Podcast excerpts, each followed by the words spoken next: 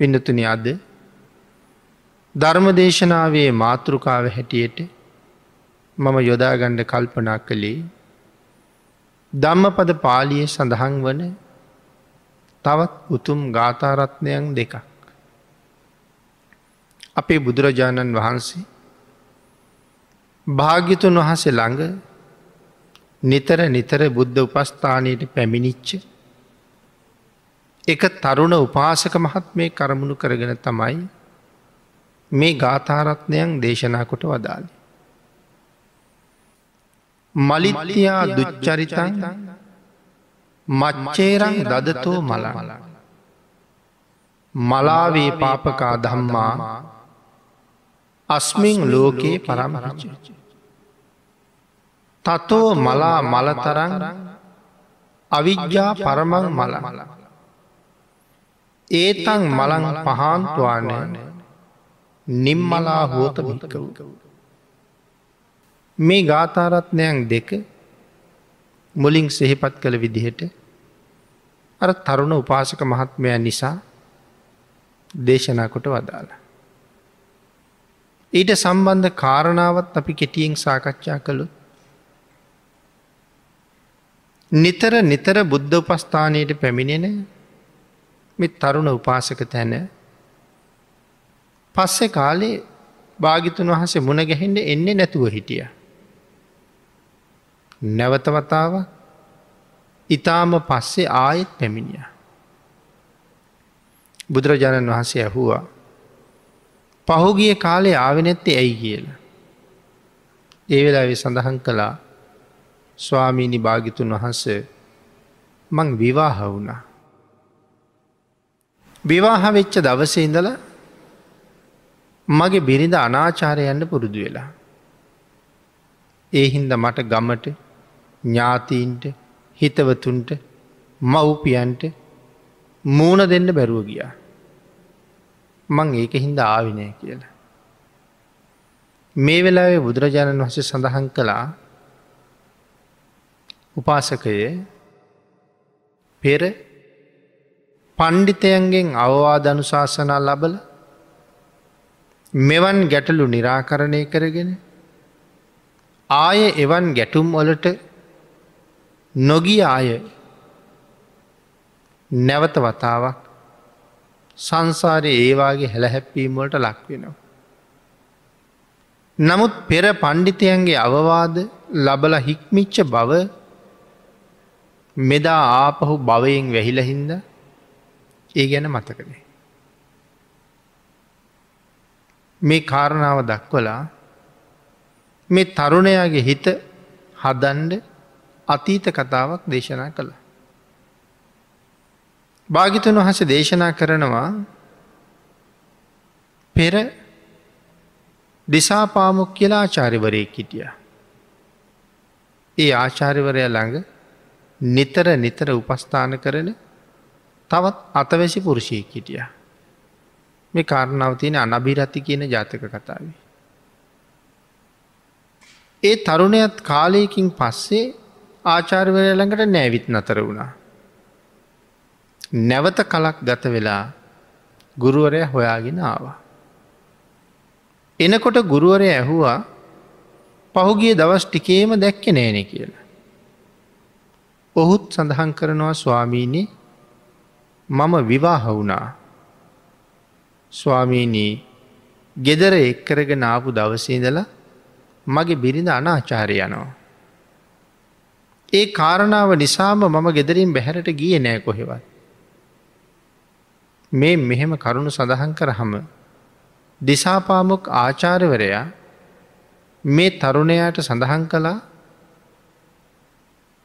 මේ ලෝකේ හැමෝටම සරුව සාධහරණ වස්තු පහක් තියෙනවා කියලා. හැමෝටම සාධාරණ. මොනෝදේ හැමෝටම සාධාරණ වස්තු පළවෙනි එක තමයි නානතොට. ඒක කාටවත් තහනම් කරන්න බෑ. මිනිස්සුත් නානව සමහර වෙලාට එතෙන්ට තෙරිසං සත්තුත් බැහල නානවා. හැමෝටම සාධාරණයි. ඊළඟට අපි යනේන පාරය මේ පාරය අහවල් අයට යන්ට බෑ කියල තහනම් කරන්න පුළුවන්කමක් නෑ හැමෝටම සාධාරණයි. එළකට ප්‍රජාශාලාව මේ ශාලාවට රැස්වෙන්නේ අහවල් ගමී ඇය විතරයි කියල සීමාවක් සීමාවක් නෑ. යන එන මගියන්ට පවා එතෙන්ට ගොඩවෙඩ පුළුවන්. අනිත් කාරණාව තමයි පින්නතිනේ පානාගාරයේ මොකද මේ පානාගාරය කියල කියන්නේ සුරා සැල ඒකත් කාටත් අහනක් නෑ. හැන්දෑවට ගිහිලා යාචකයෙක් මුදල් දීලා සුරාව ඉල්ලුවත් යාචකයටත් ලැබෙන. රටේ රජ්ජුරුව ගිහිල්ල ඉල්ලුවොත් රජ්ජුරුවන්ටත් ලැබෙන. තහනමක් නෑකාටුව. එතොට කාරණා හතරක් සඳහන් කළ. හැමෝටම සරුව සාධහරණ. පස්වැනි කාරණාව තමයි ස්ත්‍රිය. ස්ත්‍රියත් හැමෝටම සාධහරණයි කියල සඳහන් කළා. කවුද එහෙම සඳහන් කරන්නේ දෙසාපාමක් ආචාර්යවරය.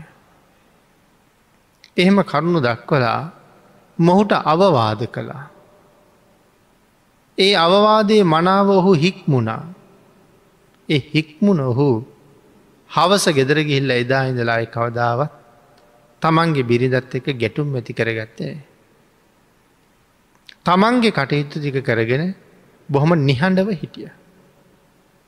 කාන්තාව කල්පනා කළා මගේ ස්වාමිය දැන් හුඟාක් වෙනස් වෙලා. හේතුවමකක්ද කියලා. ඇයට දැනගණ්ඩ ලැබුණා මම ගැන ආරංචිය ගුරුවරයගාවට ගිහිල්ල. ගුරුවරය මොහොට අවවාද කරලා. ඇයට ලැජ්ජ හිතුන ගුරුවරයත් මං ගැන දැනගත්ත කියල. එදාගෙන් පස්සේ ඇය ආය කවදාවත් අනාචාරගී නෑ. අපේ බුදුරජාණන් වහන්සේ මේ කාරණාව අර තරුණ උපාසක මහත්තයට මතක් කළා. දැන් එතකොට දෙන්නගෙම කතාව සමානයි. බුද්ධ උපස්ථානයට අබු තරුණයගේ කතාවත් දිසාපාමොක් ආචාර්වරයගේ කාලෙ හිටපු අතවැසි පුරුෂයාගේ කතාවත් දෙකම දෙකම සමානයි. බුදුරජාණන් වහස දේශනා කරනවා මුලින් මතක් කලානේ පෙර පණ්ඩිතයන්ගේ අවවාද ලබල හික්මිලා නවත් නමුත් ඒ භවයේ හික්මිච්ච කාරණාව නැවත භවයෙන් වැහිලහින්න ආයෙත් මතකනය කියලා. එන මේ ධර්මය අපි අද විතරක් වෙන්න ඇද්ද සංසාරයහන්නේ. අනාදිමත් කාලයක් දීර්ඝ සංසාරය අපි කොච්චර බනහල ඇද්ද. අපි කොච්චර ඉගෙනගෙන ඇද්ද. අපි මොන තරම් වෛද්‍යවරු වෙලා ඉන්ඩ ඇද්ද. ඉංජිනේරුවලු වෙලා ඉන්ඩ ඇද්ද. නීතිඥවරු වෙලා ඉන්ඩ ඇද්ද. නමුත් මැරිල ඉපදුනාට පස්සේ. පෙර භවයත් මම වෛද්‍යවරයෙක් කියලා මේ භවයත් වෛද්‍යවරයෙක් වෙන්න පුළුවන්ද. ආය ආපහු මුල ඉඳලා ඉගෙනගෙන අන්ඩුවන වෛද්‍යවරයෙක්ෙන්ට. ආය ආපහු මුල ඉඳලා ඉගෙනගෙන අන්ඩෝන ඉංජනේරුවෙක්වෙන්ට. පෙරත් ඉංජනේරුවෙක් මට අදත් ඒ රස්සාාව මෝනැකිවට හරියන්නේ හරියන්නේ නෑ. එහෙනම් අපිත් පෙරත් ඕන තරං බනාහල තියෙනවා. ජීවිත හදාගනත් තියෙනවා. නමුත් එයින් එහාට ලොකු පලයක් හොයපු නැතිහින්ද අයත් ඉපදිලා අදත් බනාහනවා. මේ සැරෙත් බනාහල ජීවිතය නිවැරදි කරගෙන ආයෙත් තැනක උපදිනවා. හැබැ එතකොට ආය මුල ඉඳලා මුල ඉඳල බණහන්ඩුවෙනවා. එහෙම බලාගෙන ගියහම හැමදාම අහලා විතරයි තියෙන. මොකොත් ජීවිතයට ලොකුවට යෙදිලා යෙදිල නෑ. යොදාගත්තනම් හැමදා මහන්ඩ වෙන එකක් නෑ. එන අපිත් හිතන්න ඕනේ හැමදාම බණ අහා හිටිය හම විතරක් ඇද්ද කියනෙක්. දෙන අර තරුණයගෙත් කතාව බවයෙන් වැහිල කීවන්නේ. භාගිතුන් වහස මතක් කරල දෙනවා. උපාසකතුමනි. එදා දිසාපාමක ආචාරිවරයාගේ ළඟහිටපු අතවැසිය වෙන කවුරුවත් නෙමෙයි දිසාපාමක් ආචාරිත්වරයගෙන් අවවාද ලබාගෙන හික්මුණ අතවැසියම තමයි ඔබ කියල. එදත් ඔබේ බිරිධන ආචාරි ගිය. අදත් ඔබේ බිරිධන ආචාරයන. එදා දිසාපාමක් ආචාරිවරයගේ කාලෙත් ඔබේ බිරිඳ අද ඔබේ බිරිඳම තමයි. එන මේ ඇයමයි ඔබ ඔබමයි. නමුත් එදා ඔබට අවවාද කළ දිසාපාමොක් ආචාර්වරයා වෙන කවුරුවත් නෙමෙයි ලොවතුරා බුදුවෙච්ච මමමයි. එන එදත් මං ඔබට අවවාද කළා අදත් මං ඔබට අවවාද කරනවා. කියලා කරුණු දක්වල කරුණු පැහැදිලි කළා. මේ තරුණය එක හොඳට තේරුම් ගත්තා. ගෙදර ගිහිල්ල කවදාවත් ආය බිරිද එක්ක ගැටුම් හදාගත්ත නෑ. නමුත් ටික දවසක් කාන්තාව බැලුවා ස්වාමයා වෙන දවාගේ රණ්ඩු සරුවල් වෙන්ඩෙන්නේ. හේතුව හොයල බැලුවා මං ගැන බුදුරජාණන් වහන්සේ දැනගෙන භාගිතුන් වහසේ මොහුට අවවාද කරලා. ඇයට හුඟක් ලැජ්ජ හිතුනම් මෙදත් බුදුරජාණන් වහන්සේත් මං ගැන දැනගත්තන කියලා. ඇය ආය කවදාවත් අනාචාරිගේ නෑ. මේ මේ කාරණාව පැහැදිලි කරලා තමයි අර මුලින් මතක් කරපු ගාථා දෙක දේශනා කළි. මලිත්‍යයා දුච්චරිතන් මච්චේර දදතෝ මල කාන්තාවට දුෂ්චරිතය කරදරය මලිත්‍යයා දුච්චරිත. මච්චේරං දදතෝ මලන් දන් දෙන පුද්ගලයට මසුරු බව කරදරය අකුසල ධර්මයන් කියනෙව්වා මෙලව පරලව දෙකේම අපිට කරදරය අස්මිං ලෝකයේ පරම්හිචකිවේ පව් කරන්න මෙලවත් පිරිහෙනවා පරලවත් පිරිහෙනවා. මේක තමයි පළවෙනි ගාථාව තේර. අපි එක ටිකක් තව සාකච්ඡා කරගත්තු කාන්තාවට දුෂ්චරිතය කරදරය. මොන කාන්තාවටද දුෂ්චරිතය කරදරයක් වෙන්නේ. මුලින් සඳහන් කලානේ ස්ත්‍රිය සරුවසාධහරණයි කියලා.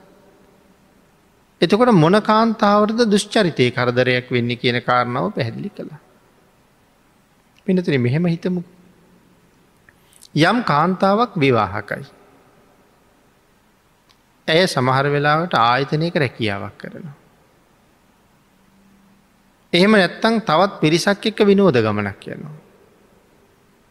එහෙම නැත්තං වන්දනා ගමනක් යනවා. එහෙම නැත්තං පිරිසක් එකතු වෙලා ගිහිල්ල කරන වෙනත් වැඩකට යනවා නමුත් තමන්ගේ ස්වාමියා ඒක තැනකවත් නෑ.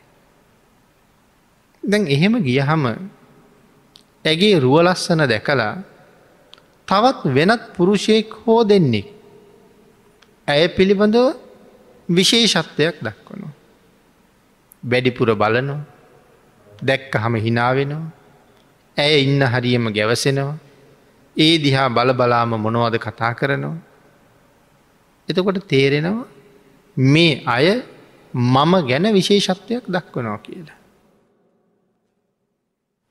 ඒ කාන්තාව සංවර වෙලා නැත්තන් හික්මිලා නැත්තං ඔවුන් තමන් පිළිබඳව අවධානය යොමු කරනවට ඇය කැමති. තමනුත් ඒකට කැමති බව නොයෙක් ඉඟි තුළින් ඇය අඟවනවා. ඒ තුළින් අර පිරිස දැනගන්නවා අපි ඇය ගැන කතා කරන එකට ඇගේ යකමැත්තක් නෑ. ඊට පස්සේ ඒ අයි ටික ටික සමීප වෙනවා. ඇසුරු කරනවා. හිතමිත්‍රකම් පවත්වනවා. තව තව පහුවෙලාගේ හම ගමම් බිමං යනවා. අයතා සම්බන්ධතාවයක් බවට ඒ පත්වෙනවා. තවත් තැනකට වෙනම ගිය හම ආයෙත් තරුණයෙක් ඇය පිළිබඳව විශේෂත්වයක් දක්වනවා. ඇය ඔහුටත් ඒ වගේම ප්‍රිය බවද පෙන්න්නනවා. තැඟතකොට ස්වාමි පුරුෂයා හැර තවත් පරපුරුෂයෙන් දෙන්නේ තුන් දෙනෙ හතර දෙනෙ එහෙම එහෙම වැඩි ප්‍රමාණයක් සමහරයට ඉන්න. ඇය ඒකට කිසි අකමැත්තක් නෑ. විවාහ වෙන්න කලින් ඔය ප්‍රේමවන්ත ජීවිතවල ස්වභාවයක් ඒකම තමයි. සමහරලාට ප්‍රේමවන්තයෝ හතර පස් දෙනෙක් ඉන්නවා.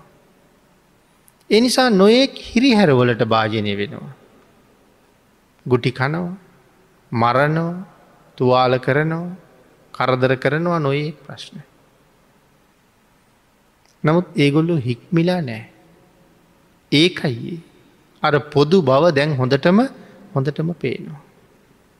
අන්න ඇයට දුසිරිත කරදරයක් නෙමෙයි ඇය දුසිරිතට කැමති. නමුත් යම් කාන්තාවක් ඉන්නවා ඇය බොහෝම පතිභක්තිය තියෙන කෙනෙක්. තමන් එක්කෙනෙකුට තීරණය වෙච්ච විවාහ වෙච්ච කෙනෙක් බව දැන් හොඳටම හොඳටම දන්නවා.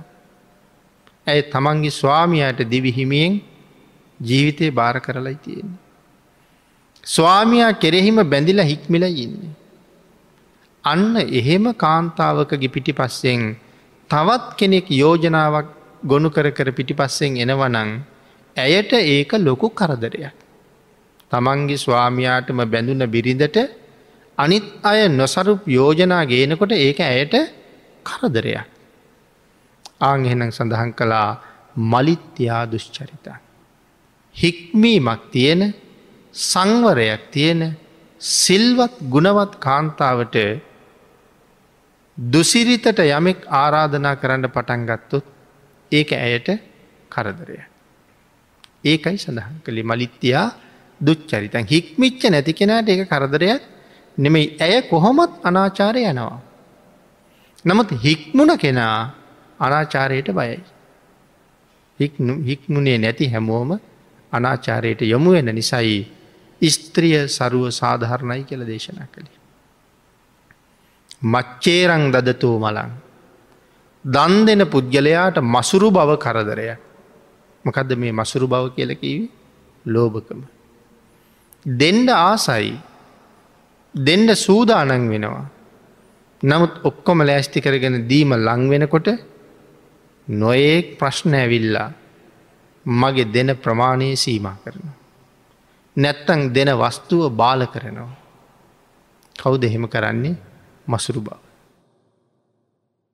බොහෝම උදාහරණ දක්වන්ට පුළුහම් මේවට. මේ විදි එක උදාහරණයක් පැහැදිලි කළුත්. විපස්සේ භාග්‍යතුන් වහන්සගේ කාලේ එක බ්‍රාහ්මණය කිටිය ඒක සාටක කියලා. ඇයි මෙයට ඒක සාටක කියන්නේ බ්‍රාහ්මණයටයි බිරිඳටයි දෙන්නටම තියෙන්නේ එක සලුවයි. උඩු කය වහන්ඩ තියෙන එක සලුවයි. දෙන්න එක්කෙනෙක් ගමනක් යනවට එක්කෙනෙක් ගෙදරන්න. තැන් විපස්සි භාගිතුන් වහසේ ලෝකෙ පහළ වෙලා. අපේ බුදුරජාණන් වහන්සේ වගේ මහජන සුභසිද්ධිය උදෙසා දවසේ වැඩි කාලයක් කැප කළේ නෑ. අපේ භාගිතුන් වහසනං සැතපිලා තියෙනෙ කොච්චර කාලයයිද සාමාන්‍ය සඳහන් කරන්න පැයකුත් විනාඩි විස්සයි කියලා. අනික් කාලේ වැඩි ප්‍රමාණයක් දෙවි මිනිසුන්ගේ යහපත සඳහාම කැපකිරුවා. නමුත් විපස්සි භාගිතුන් වහන්සේ එක ධර්ම දේශනාවක් කරන්නේ හත් අවුරුද්ධකට විතර සැරයයි. දීර්ඝාවිෂය. දෙවියෝ තමයි දැනුන් දෙන්නේ අද බණ කියන දවසයි කියල. එදාට ඒ මුළු භාගිතුන් වහස වැඩ ඉන්න මුළු ප්‍රදේශයම මංගල්‍ය ස්වරූපයක් ගන්න. තැන් දෙවිය කෝලාහල කලාද බණ කියන දවසයි. මේ වෙලා ඒක සාටක බමුණ බිරිඳගෙන් ඇහුවා දවල් බණහනවද රෑට බණහනවද කියලා. ඇයි සඳහන් කළා කාන්තාවක් වෙච්ච මම උදේ කාලෙ ගිහිල්ල හැන්දෑ වෙනකං බනාහල එන්න. එහෙනම් මම රෑට යන්නම් කියලා බමුණ කිව. බැමිණිය පිරිසත් එක උදේම ගිහිල්ල රෑවෙනකං බනහල හැන්දෑවි ගෙදරාව. ඇය ගෙදර ආපු ගමන් ඇය උඩුකය වහගෙන හිටපු සලුව බමුණාරගෙන කරේදාගෙන බමුණ ගිය. භාගිතුන් වහසගේ දේශනාව දිගටම සිද්ධ වෙනවා ඒක සාටක බ්‍රහ්මණය බනහනෝ මෙ හරි ප්‍රසිද්ධ ඒක සාටක කියලා.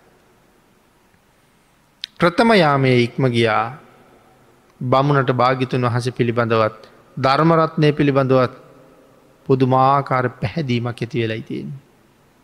පස්වනක් ප්‍රීතිය පහළ වනා කියල කියන. බ්‍රහ්මණයා කල්පනා කළා ලොවතුරා බුදුරජාණන් වහන්සේ. අමා ගඟ ගලනවා වගේ දහම් ගඟ දේශනා කරනවා. දහම් ගඟ ගලාගෙන යනවා. මොනවද මම් පූජ කරන්න කියලා. බමුණට දෙන්න දෙයක් නෑ. බමුණට එක සලුවයි තියන්නේ. හිතුන මේකවත් පූජ කරන්න ඕනේ. සලුව නමල ගත්ත. නමල අරං පූජා කරන්න ලෑස්තියෙනකොට ඉස්සරහට ආව මසුරුකම ඇවිල්ල බමුණට කතා කරනවා. මොකත් දොඹ කරන්න හද. ඇයි උඹ දන්න දොඹලට තියෙන එක සලුවක් බව. ඕක පූජා කරහම කොහොමද බැමිණි ගෙදරින් එලියට යන්නේ. වෙන කොහෙන්ද සලුවක් හොයා ගන්න. තියෙන එකම සලුව දීලා හරියනවාද. කවුද මේ කියන්නේ මසුරු බව බවන කල්පනා කලා ඇත්ත. මසුරු බව කියන තමන්ගේ හිතම තමයි මේ කියන්නේ. නැති බැරිකම. බමුණ ආපහු සලුව කරේදා ගත්ත. පූජාව වෙතනින් ඉවරයි. කෞද්ද දෙම් බමුණට කරදර කළේ මසුරු බව. දන් දෙන්ඩ කැමති කෙනාට මසුරු බව කරදරය. හැබැයි මසුරු බව දිනන කෙනා මේ ලෝකයේ මසුරු බව දිනල යමෙක් දෙනවද ඔහු ඒ කාන්තයෙන් ලබනවා. ධර්ම දේශනාව දිගටම කෙරෙනවා මධ්‍යම යාමය ඉක්මුණ. බ්‍රාහ්මණයට ආයෙත් පස්වනක් ප්‍රීතිය පහළ වුණා. සලුව ගලෝලා ගත්තා පෙර වගේම එතුවා මසුරු බව කතා කරන්න ඉස්සරලා බුදුරජාණන් වහන්සේගේ පය පාමුල සලුව තිබ්බා. සිරිපතුල පාමුලින් සලුව තියලා බමුණට ප්‍රීතිය දරාගන්න බැරුව කෑගෙහුවා. මොනව කියල කෑගෙහුවද මම දිනවා කියල කෑගෙහුවා. අත මිටමොලෝල අනික් අතට පාරක් ගහලා හයියෙන් අත බිමට ගහල කෑගෙහමන් දිනවා කියල. බන්දුම රටේ බන්දුම රජ්ජිරූ භාගිතුන් වහසගේ ධර්මාසනය පිටි පස්සේ ඉඳගෙන බණහනෝ. රජෝරු බයයි දිනුව කියනවට. ඇයි බණහන අතරි කවරුවත් රාත්‍රී රාජ්‍ය පැහැරගත්තත් දන්නේ. රජරෝ පනිවිඩයක් ඇරිය සේවකයෙක් අතේ මොනවද දිනල තියන්නේ බලලෙන්ඩ කියලා. සේවකය ගිහිල් ලැහුවා බ්‍රහ්මණයකිව මසුරුකම දිනුව කියලා. ඇවිල්ල රජ්ජිරුවන්ට කීවා. රජ්ජුරුව සඳහන් කලා භාගිතුන් වහසට පූජා කරන්න හොඳම දේ අපිට වඩා බමුණ හොඳට දන්නවා. දැම් බමුණ සලුව පූජ කරලන මේ සලු දෙක ගෙනහිල්ල බමුණට දීල එන්න කියලා. සලු දෙක ගෙනහිල් අර පුරුෂය දුන්න. බමුණ කල්පනා කළා ඒක සාටක කියල බ්‍රහ්මණය ඔබ අවුරුදු ගානක් මේ රටේ ප්‍රසිද්ධයි. මේ නගරේ මේ රාජ්‍ය ප්‍රසිද්ධ ඒක සාටක කියලා. නමුත් කවුරුවත් උඹට තව සලුවක් ගෙනත් දීපු කෙනෙක් නෑ. නමුත් අද භාගිතුන් වහන්සේගේ ගුණයට මගේ එක සලුවත් පූජා කරලා මං ප්‍රීතිය ප්‍රකාශ කරහම බුදුගුණයට පැහැදිලා මට දැන් සලු දෙක කම්බෙලා තියෙන. එතොට මට කොහොමද දැන් සලු මට සලු හම්බුනේ බුදුගුණේ නිසා මිසක් මගේ ගුණයකට නෙමෙස්. එහෙනම් මේ සලු දෙකම අයිති භාගිතුන් වහසරයි කියලා දෙකම පූජ කළ. මසුරු බවට කොහොමොත් දැන් ඉට දෙන්නේ. අර පුරුෂය ගිහිල්ලකිව බමුණ දෙකම පූජ කළා. හතරක් කිව්වා හතරම පූජ කළා. අටක් කිව්වා අටම පූජා කලා දාසයක් කිව දාසයම පූජා කළා තිස් දෙකක් කිව රජ්ජුරු. බමුණ කල්පනා කළා මේ තිස් දෙකත් පූජා කළුත් රජ්ජුරුව හැට හතරක් එවයි. එහෙම වුණොත් ලැබෙන්ඩ ලැබෙන්ඩමන් දෙනවා කියලා හිතයි. එහින්ද මේක නවත් අන්ඩෝනේ.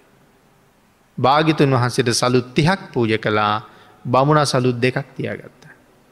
අර පුරුෂය ගිහිල්ල කිව්වා තිහක් පූජා කරලා දෙකක් තියාගත්ත කියලා. රජ්ජුරු ආයව්විනෑ. නමුත් අත්හැරල දෙන්ඩ දෙන්ඩ ලැබෙන හැටි. එක ලෝක න්‍යාය ධර්මතාවයක් ලෝකේ. දෙන්ඩ දෙන්ඩ ලැබෙනවා අපියෝක අහලා තියෙන ඕන තරන්. හැබැයි ලබන්ඩ හිතාගෙන දුන්නොත් ලැබෙන්නේ. එතකොට දෙන්නේ අත්තරල නෙමේ අල්ලගෙන මයි දෙන්නේ. දෙන්ඩ දෙන්ඩ ලැබෙනවනම් දෙමු කියල දෙනවා ලබන්ඩ එහෙම ලැබෙන්නේ. අත්හැරලම දෙන්ඩෝනේ බලාපොරොත්තු නැතුවම දෙන්ඩෝනේ. අන්න එහෙම දුන්න හම තමයි ආපහු ලැබෙන්. මේක වෙනම ධර්මය බොහොම ගැඹුරින් පැහැදිලි කරන තැනක් මේ. ඉතින් ඒවාගේ දෙන්ඩ ලෑස්ති වෙන කෙනාට මසුරුකම කරදරය. ආගේ නිසා මසුරු මල දිනන්ඩුවනේ.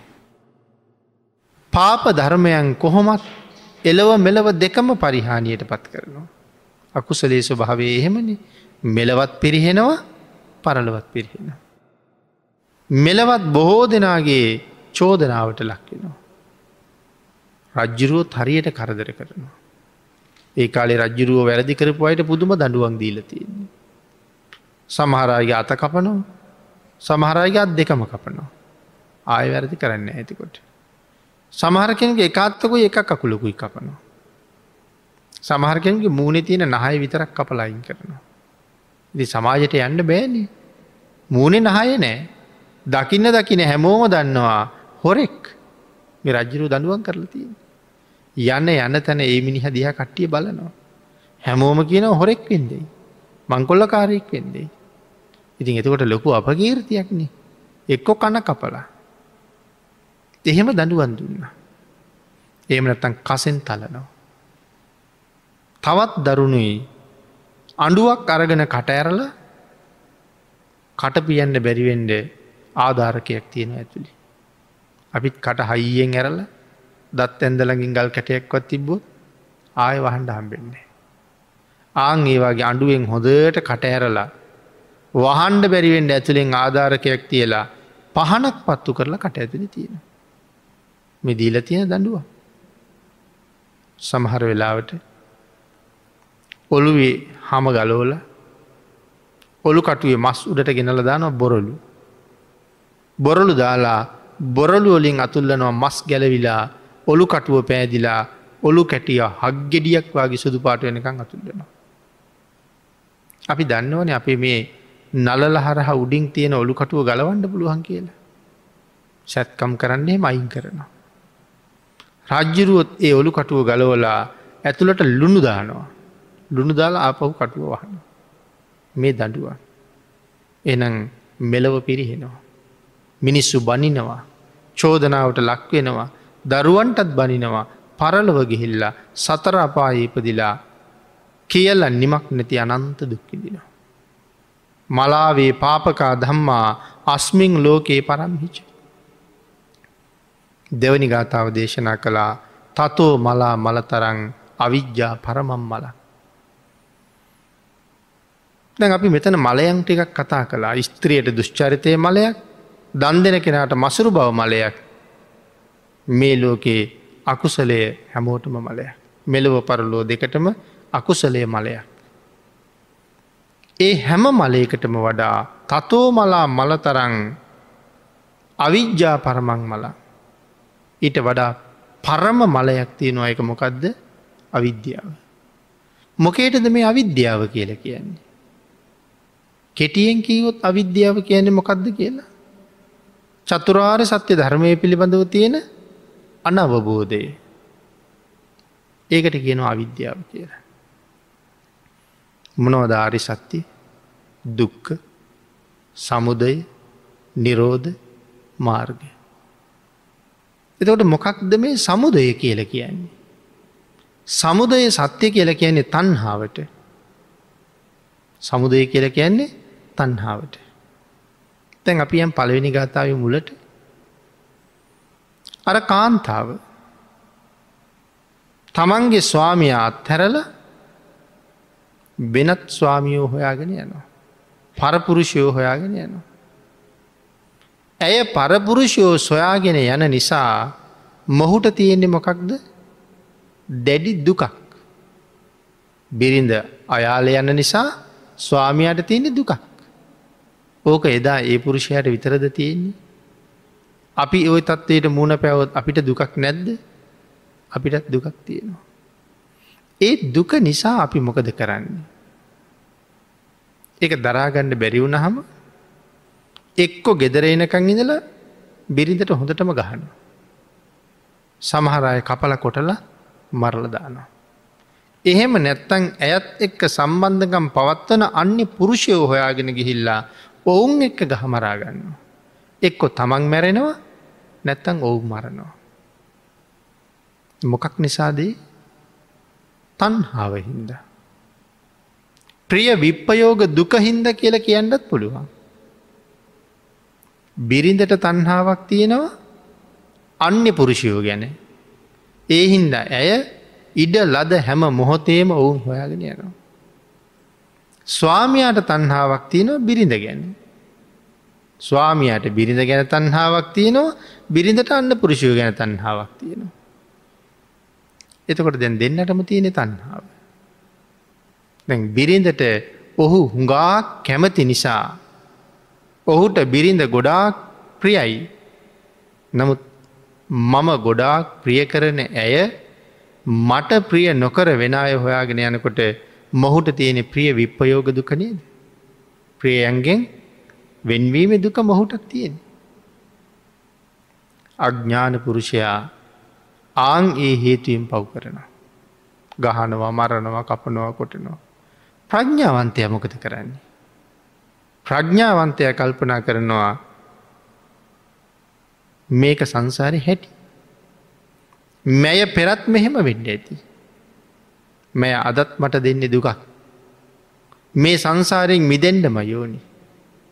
මේකෙන් නොමිදුනොත් මට අයත් භවයක හම්බෙන්නේ මේ වාගම දුක. මොකද රාග ගින්න කියන එක අපි මේ වචනයෙන් කතා කරනවාගේ පහසු එකක් නෙමේ. ඒ අවස්ථාවට මූුණ දීපු අය තමයි දන්නේ ඒක කොයි වගේ ගින්නක්ද කියලා. සමහරු තමන්ගේ ජීවිතය විනාශ කරගන්න. කැමති පුරුෂයා කාන්තාව නැතිවෙන නිසා සමහරු බෙල්ලෙ වෙලදා ගන්නවා. සමහරු ගඟට මුහොදට පයිනවා. සමහරු වහ කනවා සමහරු කෝච්චියට බස්ස එකට පනිනවා. මේ ලෝකෙ මිනිස්සු වැඩියෙන්ම ආදරය තියන්නේ තමන්ගේ ජීවිතයට නං රාගගින්න නිසා ඒ ජීවිතෙත් විනාස කරගන්න එළඹෙනව කියලා කියන්නේ එක සුළු පටු ගින්නක් වෙන්න බෑනි. ප්‍රඥ්ඥාවන්තයා ඕක හඳුනගෙන ඇය අකුසල් රැස් කරනවා අයාල ගිහිල්ලා. මම හවසට ඇය එනකං බලාගෙනදල ඇයත් එක රණ්ඩු වෙලා මම අකුසල් රැස් කරනවා. ඇය අකුසල් රැස් කරනකොට මමත් පව් කරන්න ඕ නැද. ආං ඒක තේරුම් අරගෙන ප්‍රඥ්ඥාවන්තයා සසරට කලකිරෙනවා. සසරින් එතර යන්ඩ උත්සාහ කරනවා නමුත් දුස්ප්‍රාඥ්ඥා ඇගේ වැරැද්ද හේතු කරගෙන තමන් සතරපායට යන්ට පාරහදා ගන්නවා. එමන ඇය පිළිබඳව තන්හාාවක් මට තියෙන හින්ද තමයි මට දුක ඇති වෙලා තියෙන්නේ. එනම් සමුදය සත්‍ය. ඇයට මම ගොඩක් කැමති නමුත් ඇය මම ඉක්මෝල යනකොට මට දුකයි. ඒ හින්දා දුක්ක සත්‍යය. තන්හාාව නිසා මොකක් දැති වෙලා තියෙන්නේ දුක. ප්‍රඥ්ඥාවන්තයා මේක මනාව දැනගෙන ඇය නිසා පව්කරන එක පසක තියලා තමන් සසරින් මිදෙන්ට ගුණපුරනවා. ඔහු මාර්ග ප්‍රඥාවට ක්‍රමක්‍රමයෙන් ආසන්න වෙන කෙනෙක් බවට පත්වෙනවා. සමුදය තන්හාවයි තන්හාාව නිසයි දුක ඉපදුනේ එක තේරුම් ගත්ත කෙනා තන්හාවින් මිදෙන්ට වීරය වඩනවා මනාව වීරය කරලා මාර්ග ප්‍රඥාවෙන් තන්හාවශය කරලා නිරෝධ සත්‍යයෙන් ඔහු සැනසෙනවා. මේක තමයි මේ කාරණාව තුළ චතුරාරි සත්‍ය කෙටියෙන්ම පැහැදිලි කරන්න පුළුවන් ක්‍රමේ. එහෙමනම් ලොවතුරා බුදුරජාණන් වහන්සේ මේ කාරණාව අපිට මනාව පැහැදිලි කළ. තතෝ මලා මල තරං අවිද්‍යා පරමං මලං අවිද්‍යාව පරම මලයයි. නමුත් පින්නතන දැන් අර පුරුෂයා දිසාපාමක ආචාරිවරයගෙන් අවවාද ලබල හික්මුණා මැරුණට පස්සේ ආය එහෙම මොකොත් කාරණාවක් දන්නේ නෑ අය තැනක ඉපදිලා ඇයටම ආදරය කරලා ඇයම විවාහ කරගෙන ඇය නිසාම කරදරයට පත්වෙලා.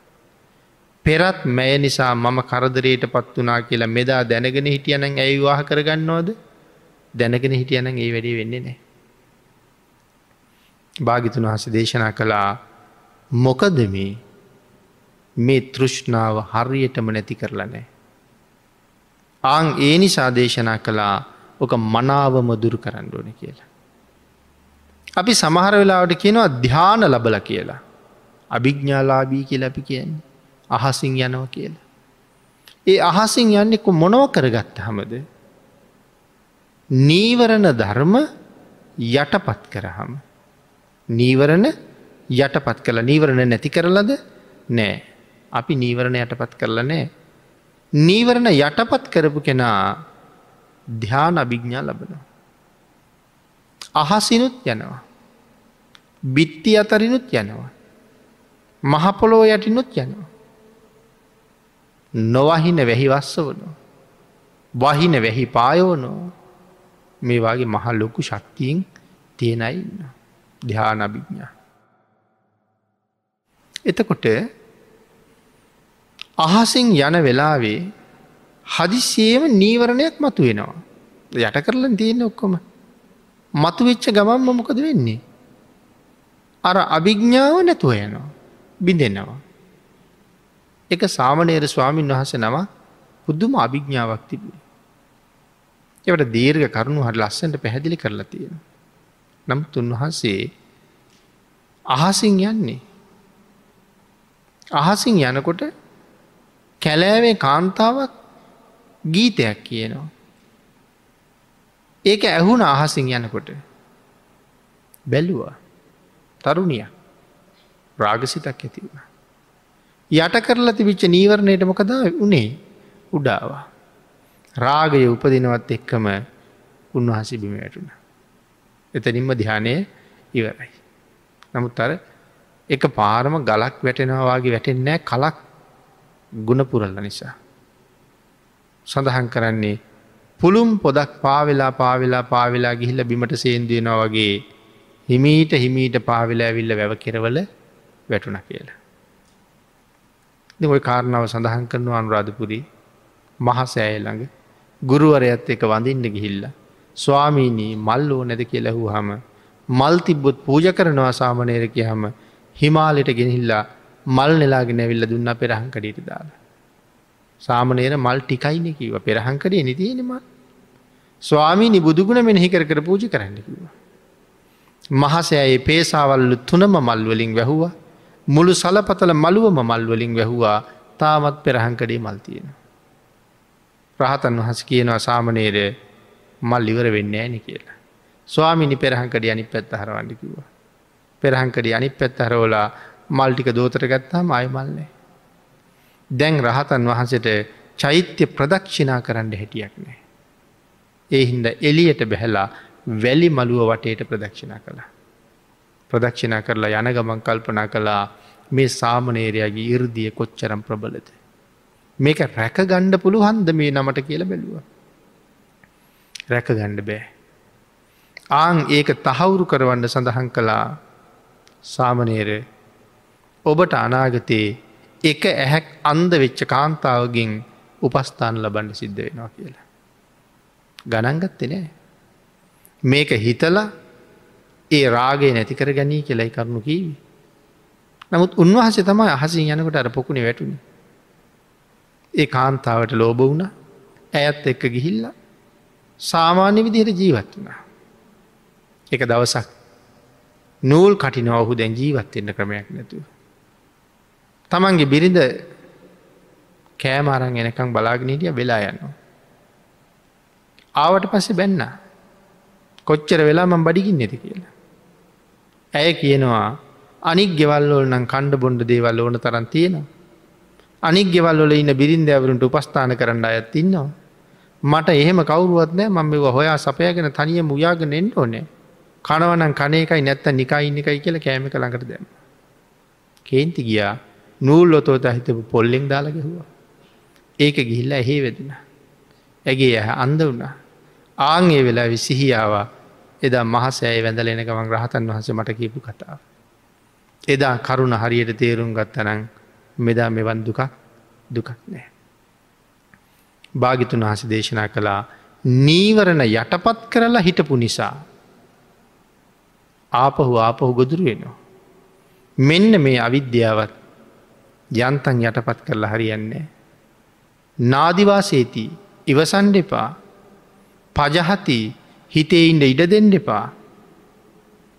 නාදිවාසේති පජහති විනෝදේති දුරින්ම දුරු කරලදාන්ට.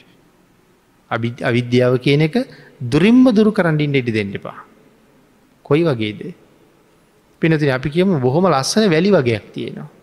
හරිම ලස්සනයි. අපි ඉතින් අතේ තියාගෙන බොහෝම හොඳයි නේද කිය කිය ඉන්නවා. හදිසියම ඔය වැලිටික කවරු හරි කටට දානවා.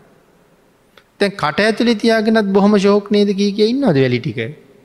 නෑ එහෙනම් වහාම විසි කරලා වතුර අරගෙන හෝදලා කට පිරිසිදු කරනවා. එනම් වැලිටික දුරින්ම දුරු කරනවනේ තියා ගන්නම නෑනෙල කටේ ආං ඒවාගේ මේ අවිද්‍යාවත් දුරින්ම දුරුකරන්ට ළඟ තියාගණ්ඩවත් එපා කියලකින්න. නාදිවාසීති පජහති. ඇ මේ නාදිවාසීති කියල කියන්නේ. නාදිවාසේති පජහති විනෝදේති බ්‍යන්ති කරෝති. දුරු කරල දාන්ඩ නැති කරල දාන්ට නැත මරල දාන්ට. පිනත එහෙම කළත් ආයාය උපදින්න පුළුවන්. ඔය සමහර සරපයන්ට එහෙම ගහල වැත්තක දැම්මහම ටික වෙලාකින් යනවයිගුල්ලු. කරදරයක් නිසා සමහර ගහක් කපලදාහම මාසයක් විතර ගිය මායිලියරලා. එනම් බ්‍යන්තී කරෝතිී අනභාවංගමීති. නැත්තටම නැති කරලා දාන්න. ඒතන් මලං පහන්තුවාන කියලා අපි වචනයක් කිවා. හන්තුවා කියැනෙ මරණවට පහන්තුවා කියල කියන්නේ විශේෂයෙන් මරන්ඩ ගහක් නං කපල තියෙන් දෙපා මුලින්ම ගලවන්ඩ එහෙම වචනයක් හන්තුවා කියන එක විශේෂ කරනවා පහන්තුවා කියලා. ඒතන් මලං පහන්තුවාන මේ අවිද්‍යාව නෙමති මලය නැත්තටම නැති කල්ලා දුරින්ම දුරු කරලා උදුරලාම අයින් කරලම දාන්ඩ ඕක තියෙන තාක්කල් මේ සංසාරය උපදිනවා කියනක නවත්තන්ඩ නවත්තන්න බෑ. කියන කාරණවර පුද්ගලයට දේශනා කරහම මැනවින් කරුණු කාරණාව අවබෝධ කරගත්ත. මනාම කරුණු තේරුම් අරගෙන අවබෝධ කරගත්ත ඔහු සංසාරයෙන් ගෙතර යන්න පාර හදාගත්ත. විශාල පිරිසක් එතනිදි ධර්මාවබෝධය ලැබවා. එමනං ධර්ම දේශනාවට තියෙන කාලයක් නිමා වෙලා තියෙනවා. අපි දුෂ්චරිතය පිළිබඳව සඳහන් කළ කාන්තාවට දුසිරිත මලය දන් දෙන කෙනාට ලෝභකම මලය අකුසල ධර්මයන් එලෝ මෙලෝ දෙකම පරිහානියට පත් කරනවා. මෙ සියල්ලට මෙහේතුවෙච්ච අවිද්‍යාව ඒ හැම මලයකටම වඩා මලය සංසාරම අපි අදගෙන යනවා. ආං ඒ අවිද්‍යාව නැති කරන්නකිව කොහොමද නාදිවාසේති පජහති විනෝදේති බ්‍යන්තී කරෝති අන භාවංගමීති. නාදිවාසේති කියල කිවීව සන්ඩිපා පජහතිකි වෙළඟ ඉන්ඩ ඉඩ දෙන්නෙපා විනෝදේති කියලකිවේ දුරින්ම දුරු කරන්න බ්‍යන්තී කරෝති කියල කියන්නේ නැත්තට නැති කරන්න අන භාවංගමීති කියන්නේ ගලවලා උදුරලා අයිම්ම කරලා අයිම්ම කරලා දාන්ට. එහෙම කරපු කෙනාට කියන්නේ රහතන් වහස කියලා. අපිටත් ලැබුණ උතුම් මනුස්ස ජීවිතයෙන් ශ්‍රේෂ්ඨ බුද්ධහන්තරයෙන් එවන් උතුම් පදවියක් ස්පර්ශ කරන්න මේ නිර්මල ධර්මරත්නයෙන් පිහිට සරණ ආරක්ෂාව ලබන්ඩ ප්‍රඥාව නිරන්තරයෙන් අපි තුළ පහළ වේවා භාගිතුන් වහන්සේගේ ආශිර්වාදයයි කරුණාවයි අඩු නැතුව ලැබේවා කියල ප්‍රාර්ථනා කර.